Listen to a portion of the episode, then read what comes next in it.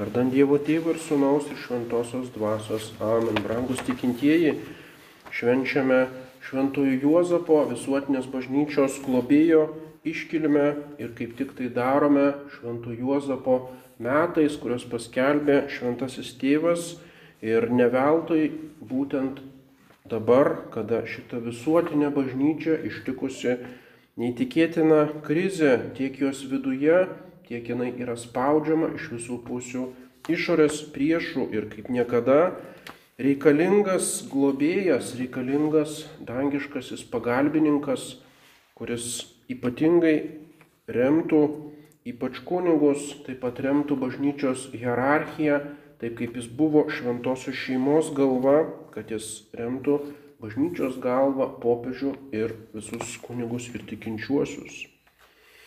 Ir kartais klausima, kodėl būtent Juozapas bažnyčioje turi tiek daug, tokį, tokį išskirtinę garbę, atrodo jis nieko ypatingo nėra nuveikęs, nebuvo garsus dideliais darbais, nebuvo didis asketas, kaip kad šventasis Jonas Krikštytojas, jis nedarė stebuklų, taip pat jis neskelbė Evangelijos tautoms, taip kaip apaštalai.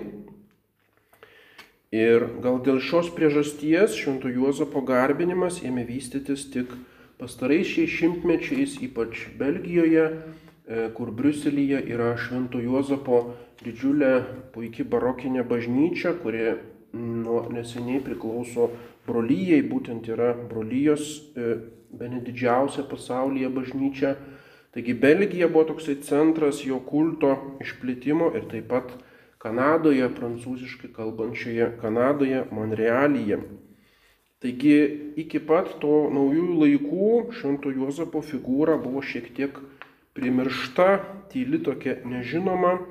Taigi neseniai tik tai turime tai ypatingą pamaldumą, tik neseniai popiežius įvedė atskirą litaniją, Švento Juozapo litaniją, bet šventumas būtent ne visada susijęs su akcija, su veiklumu, Šventasis tėvas Pijus XII dažnai perspėdavo tikinčiuosius, taip pat kunigus ir ganytojus apie aktyvizmo pavojų, taip vadinamą aktyvizmą, kuris neigia tokias darybės, kurios šiuolaikinėme pasaulyje vadinamos pasyviomis darybėmis, paniekinančiai esą jos nėra tikros darybės.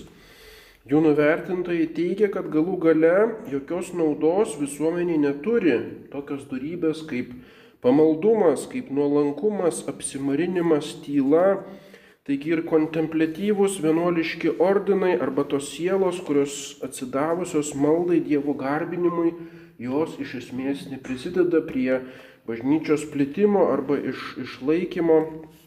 Tai yra didelė klaida, tas kontemplatyvus gyvenimas, pamaldumas ir nuolankumas ir tos darybės buvo reikalingos Ne tik tai viduramžiais ar kažkada, bet ypač jos svarbios šiais laikais. Ir viena iš tokių svarbiausių šiais laikais tų pasyviųjų vadinamų darybių yra kantrumas. Vienas didžiausių šios darybės pavyzdžių būtent ir yra šventasis Juozapas, švenčiausios mergelės Marijos sužadėtinis. Būtent tai buvo Juozapas, o ne kuris iš apaštalų ar šventų misionierių, kuris buvo paskelbtas visuotinės bažnyčios globėjų nes jis kantriai rūpinosi, rūpinosi tos bažnyčios galva, Dievo sūnumi ir taip pat rūpinosi bažnyčios motina, mergelė Marija. Taigi litanijoje melžiame šventai Juozapą, šventasis Juozapai kantrybės ir gerumo pavyzdį, melski už mus. Jis yra kantrybės pavyzdys mums, ypač šitoje bažnyčios krizėje, kada mes linkę prarasti tą kantrybę, kiek dar gali tęstis šitie laikai ir tie išbandymai, kad kuo greičiau jie baigtųsi. Iš Juozapo lūpų niekada neišeidavo joks pyktis ar rūstumas ar keikimas, jis buvo kantrus darbe, jis buvo kantrus šeimos gyvenime, namų tvarkime, žmonių ir kaimynų atžvilgių, jis nežinojo, kas yra neapykant ar priešiškumas ir jo būtent didžiausia jėga buvo tas kantrus gerumas.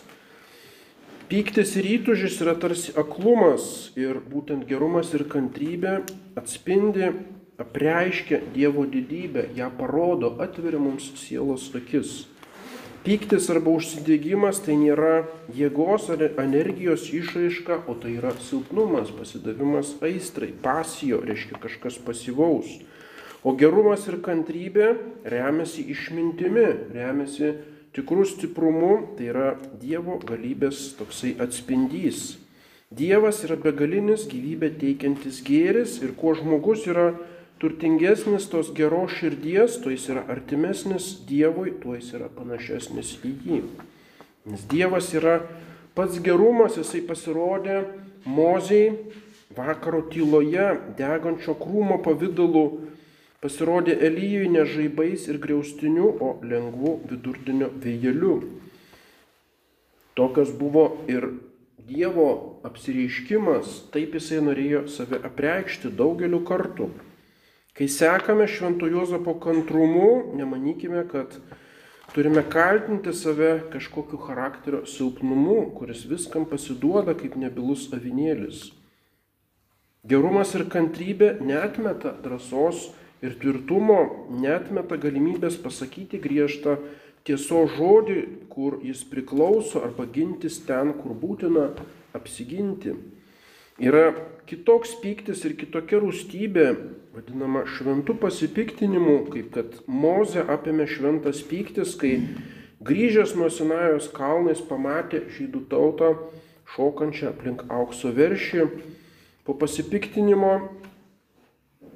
būtent iš to pasipiktinimo jisai numetė ant žemės akmeninės lenteles, jos sustilo į gabalus, tuo jisai parodė, kad šita tauta iš karto paniekino Dievo įstatymą parašytą ant tų lentelių.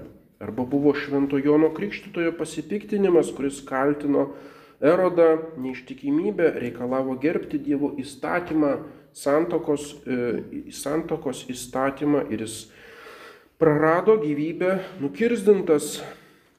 Ir būtent jo pasipiktinimas buvo šventas ir pagristas. Arba Paties Jėzaus Kristaus rūstybė, kai stovėjo prieš fariziejus, pakėlęs ranką ir šaukė jūs veidmainiai arba jūs pabaltinti kapai, akli, aklųjų vadovai ir panašiai. Arba kai stovėdamas Jeruzalės šventyklos prieangyje paėmė bizūną, išvarė tuos žydų priekeivius, tai buvo švento pasipiktinimo arba teisingo pykčio tokie pavyzdžiai. Bet Dažniausiai viso šito neprireikia. Didžiausia kantrumo darybės dalis yra nepulti, ne kovoti, o būtent ištverti. Šventasis Tomas Akvinėtis skiria, tai yra agredį ir sustinėrį, dvi kantrybės darybės dalys. Agredį tai yra pulti, kažką aktyviai daryti, ginti šventą reikalą, bet tai pasitaiko ganėtinai retai. O svarbiausia kantrybės dalis yra sustinėri, taigi ištverti tą blogą, kur, tą blogį, kurio negalime įveikti, pakesti netgi iki kankinystės. Ir ta kantrybė remiasi gerumu. Toks gėris yra kaip dieviškoji kibirkštis žmogaus širdyje. Apie šitą gėrį ir tokią kantrybę Kristus savo kalno pamokslę sako palaiminti romios širdies, nes jų yra dangaus karalystė. Tai yra tikroji krikščioniška kantrybė, romumas tų visų išbandymų akivaizdoje. Ir toks gerumas gali sugrūdinti net akmeninės širdis, jis gali įveikti nevilti, abejingumą, žmogaus pavydą, įvairiausius persekiojimus, daugybę turime pavyzdžių. Kovo 15 dieną bažnyčia mini šventą Klemensą Hofbauerį. Jis buvo iš Čekijos, iš Moravijos, dirbo Lenkijoje, buvo nelaimingų ir apleistų žmonių globėjas ir štai Varšuvoje kartą jis ėjo per namus, per per žmonės gatvėje prašydamas išmaldos našlaičiams, kuriuos prižiūrėjo. Ir jis įėjo į vieną Varšuvos e, aludę, paprašė išmaldos ir ten tie e, lankytojai žaidė kortomis ir vienas iš jų, atsakydamas šitą prašymą, spjovė jam į veidą.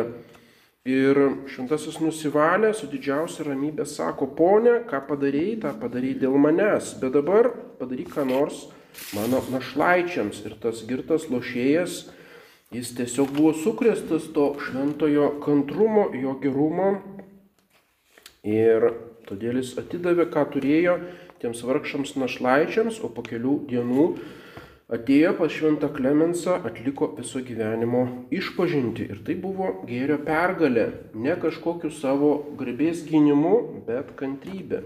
Arba šventasis Pranciškus Ksaveras misijose Indijoje mokė tikėjimo ir pagonis šaipėsi iš jo neturtingai apsirengusio mėtė jį akmenis, įžeidinėjo ir jis tyliai tiesiog tęsė pamokslą. Ir tai buvo didelė nuostaba pagonims, ta jo kantrybė.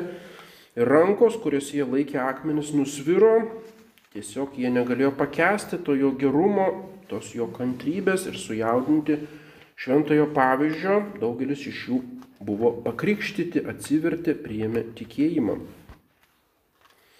Didžiausias iš tų romios širdies šventųjų, tuo nuolankiųjų, visko atidavusių į Dievo apvaizdos rankas būtent ir yra šventasis Juozapas. Jis įveikė savo pyktį, tokį vyrišką pasipiktinimą, kai pamatė, kad jo nuotaka mergelė Marija laukia kūdikio, kuris nėra jo vaikas, jis nedemonstravo kažkokios parodomosios drąsos ar vyriškumo išgirdęs apie grėsinti erodo persekiojimą, nekeikė to tirono ramiai, kai pabėgėlis leidosi kelionin į Egiptą. Taigi visada gyvenime jam buvo svarbiausia ne kažkokie paviršutiniški natūralūs jausmai, o klausimas, kokia yra Dievo valia, ko Dievas nori šitomis aplinkybėmis iš manęs savo tarno. Dievo malonė gimdė tokią neišmatuojamą kantrybę, švelnumą būtent Dievo motinos sutoktinio širdyje. Ar galime pasiekti tokį gerumą, kaip mes išmoksime to šventos kantrybės, kaip, e, kaip galime sekti tuo šventuoju Juozapu šitoje darybėje. Vienas iš pagonių imperatorių, be galo aistringas, lengvai pasiduodantis pykčiui, norėjo atsikratyti šitos įdo, įdos ir jis paklausė išminčiaus filosofo, ką turiu daryti, kad atsikratyčiau to įniršio, įtužio, būčiau kantrus. Ir tas filosofas sakė, kiekvieną kartą, kai supyksi, tyliai išvardink visas graikų abecėlės raides ir pyktis nuslops. Reiškia tiesiog palaukti, tiesiog duoti peno mintims, pralaukti tą pykčio priepolį ir jis išmoko kantrybės. O mes galėtume pasakyti, tyliai sukalbėti kažkokią maldą, nors tai atrodo visiškai nenatūralu ir nesinori dabar melstis ir tai atrodo kaip dirbtina, bet tiesiog atidėti tą reagavimą žodžiais ar veiksmais. Tarkim, Tėve mūsų arba kažkokia trumpa maldelė, Jėzau, švelnus ir nuolankio širdies, padaryk mano širdį panašiai į tavo širdį arba panašiai, trumpa malda gali padėti būtent įveikti tas emocijas. Kodėl tasai žodis, kuris išsiveržia iš emocijų, turi būti kažkoks prakeiksmas prie žmogų, kuris sukelia mums pykti. Juk galime spontaniškai ne prakeikti, bet laiminti, melstis už šitą žmogų, net jeigu jis mus tikrai pykdo. Viešpatė suteiktam žmogui proto, duok jam supratimo, Arba tiesiog tegul tavo valia bus įvykdyta, arba kaip šventasis Jobas sako, viešpats davė ir viešpats atėmė palaimintas viešpatės vardas. Tai buvo jo trumpa maldelė, kai jis neteko visos savo nusavybės ir savo šeimos. Taigi, kai esame supykę, susinervinim, prisiminkime tą auksinę taisyklę. Nieko nedaryk, iš pradžių tylėk Iš pradžių nuslopink tą emociją, nieko nesakyk iš karto, spontaniškai ir kita akimirka jau bus kontroliuojama pirmiausia mūsų proto, o paskui bus kontroliuojama Dievo malonės. Taigi, kai apima pyktis, neturime nieko sakyti, ko negali atsakyti ramiai, visiškai geriausia nekalbėti. Tai, ką nusprendi pykdamas, tikrai nebus gera, tai netitinka Dievo valios, gailėsiesi per vėlai. Taigi tik tyloje ir ramybėje Dievas kalba su mumis, tik tai tada galime išgirsti jo įkvėpimą. Taigi prašykime mūsų dangiškojo globėjo šito švento gerumo, kantrybės ir švelnumo. Taigi tai nėra kažkokios herojiškos didelių šventųjų ar asketų ar mistikų darybės. Tai yra šventą Juozapą turime ir galime kiekvienas iš mūsų betarpiškai sekti būtent toje jo didžiausioje darybėje. Žinome viešpatės žodžius, mokykitės iš manęs, nes aš esu romios ir nuolankios širdies. Ir tą patį mums gali pasakyti Juozapas, mokykitės iš manęs. Pasimokykime iš viešpatės Jėzaus ir iš šventojo Juozapo ir visuomet išlaikysime tą kantrumą. Amen. Vardant Dievo Tėvų ir Sūnaus šventosios dvasios. Amen.